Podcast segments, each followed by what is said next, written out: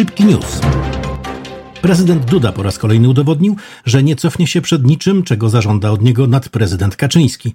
Właśnie ostatecznie zdeprecjonował najwyższe polskie odznaczenie Order Orła Białego, przyznając go, wbrew obowiązującemu prawu, skompromitowanemu odpowiedzialnemu za zniszczenie polskiego kontrwywiadu wojskowego oraz autorowi kłamstwa smoleńskiego Antoniemu Macierewiczowi. Wiemy, że w kapitule orderu zasiada wiele tuzów prawicowej myśli politycznej, w tym autor felietonów udających podręcznik do współczesnej historii Wojciech Roszkowski. Dziwi nas zatem, że nie zaproponowano od razu wystąpienia o nadanie Antoniemu tytułu wodza naczelnego, wielkiego inkwizytora lub co najmniej narodowego pogromcy przyzwoitości i zdrowego rozsądku. Minister Deedukacji Narodowej Czarnek zorientował się, że młodzież bardzo lubi oglądać filmy w serwisach streamingowych. Postanowił zatem stworzyć edukacyjny serwis streamingowy dla polskich uczniów. Kontrakt o wartości 30 milionów złotych dostał przypadkiem wspólnik kuzyna Kaczyńskiego.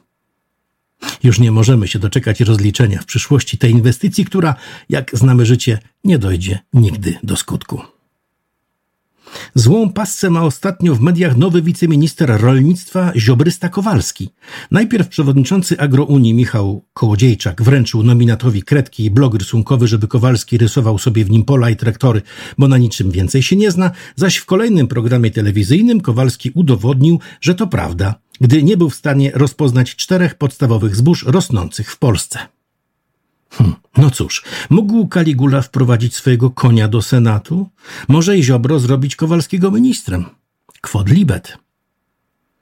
Był Kurski i nie ma Kurskiego. Również w rządzie. Okazuje się, że były pieszczoch Kaczyńskiego naraził mu się, gdy nieopatrznie poczuwszy się zbyt pewnie, powiedział na spotkaniu w łódzkim ośrodku TVP, że nikt, nawet sam żoliborski naczelnik, nie zmusi go do zmiany decyzji o odwołaniu dyrektora ośrodka w Łodzi. I teraz dyrektora nie ma, prezesa nie ma i ministra nie ma. Oj, coś czujemy, że bulterier Kaczyński zmieni się teraz w Pekińczyka. Ojciec prezydenta, Jan Duda, stojący na czele Małopolskiego Sejmiku, po raz kolejny udowodnił, że wiek i tytuły naukowe nie muszą iść w parze z mądrością. Ostatnio popisał się stwierdzeniem, że jeśli smog skraca życie, to jak to jest możliwe, że w Krakowie ludzie żyją najdłużej w Polsce? Oraz, że nasze organizmy potrzebują szkodliwych bodźców. Do tej pory wiedzieliśmy, że smog rzuca się na płuca. Teraz musimy zweryfikować nasze poglądy, bo okazuje się, że na mózg też.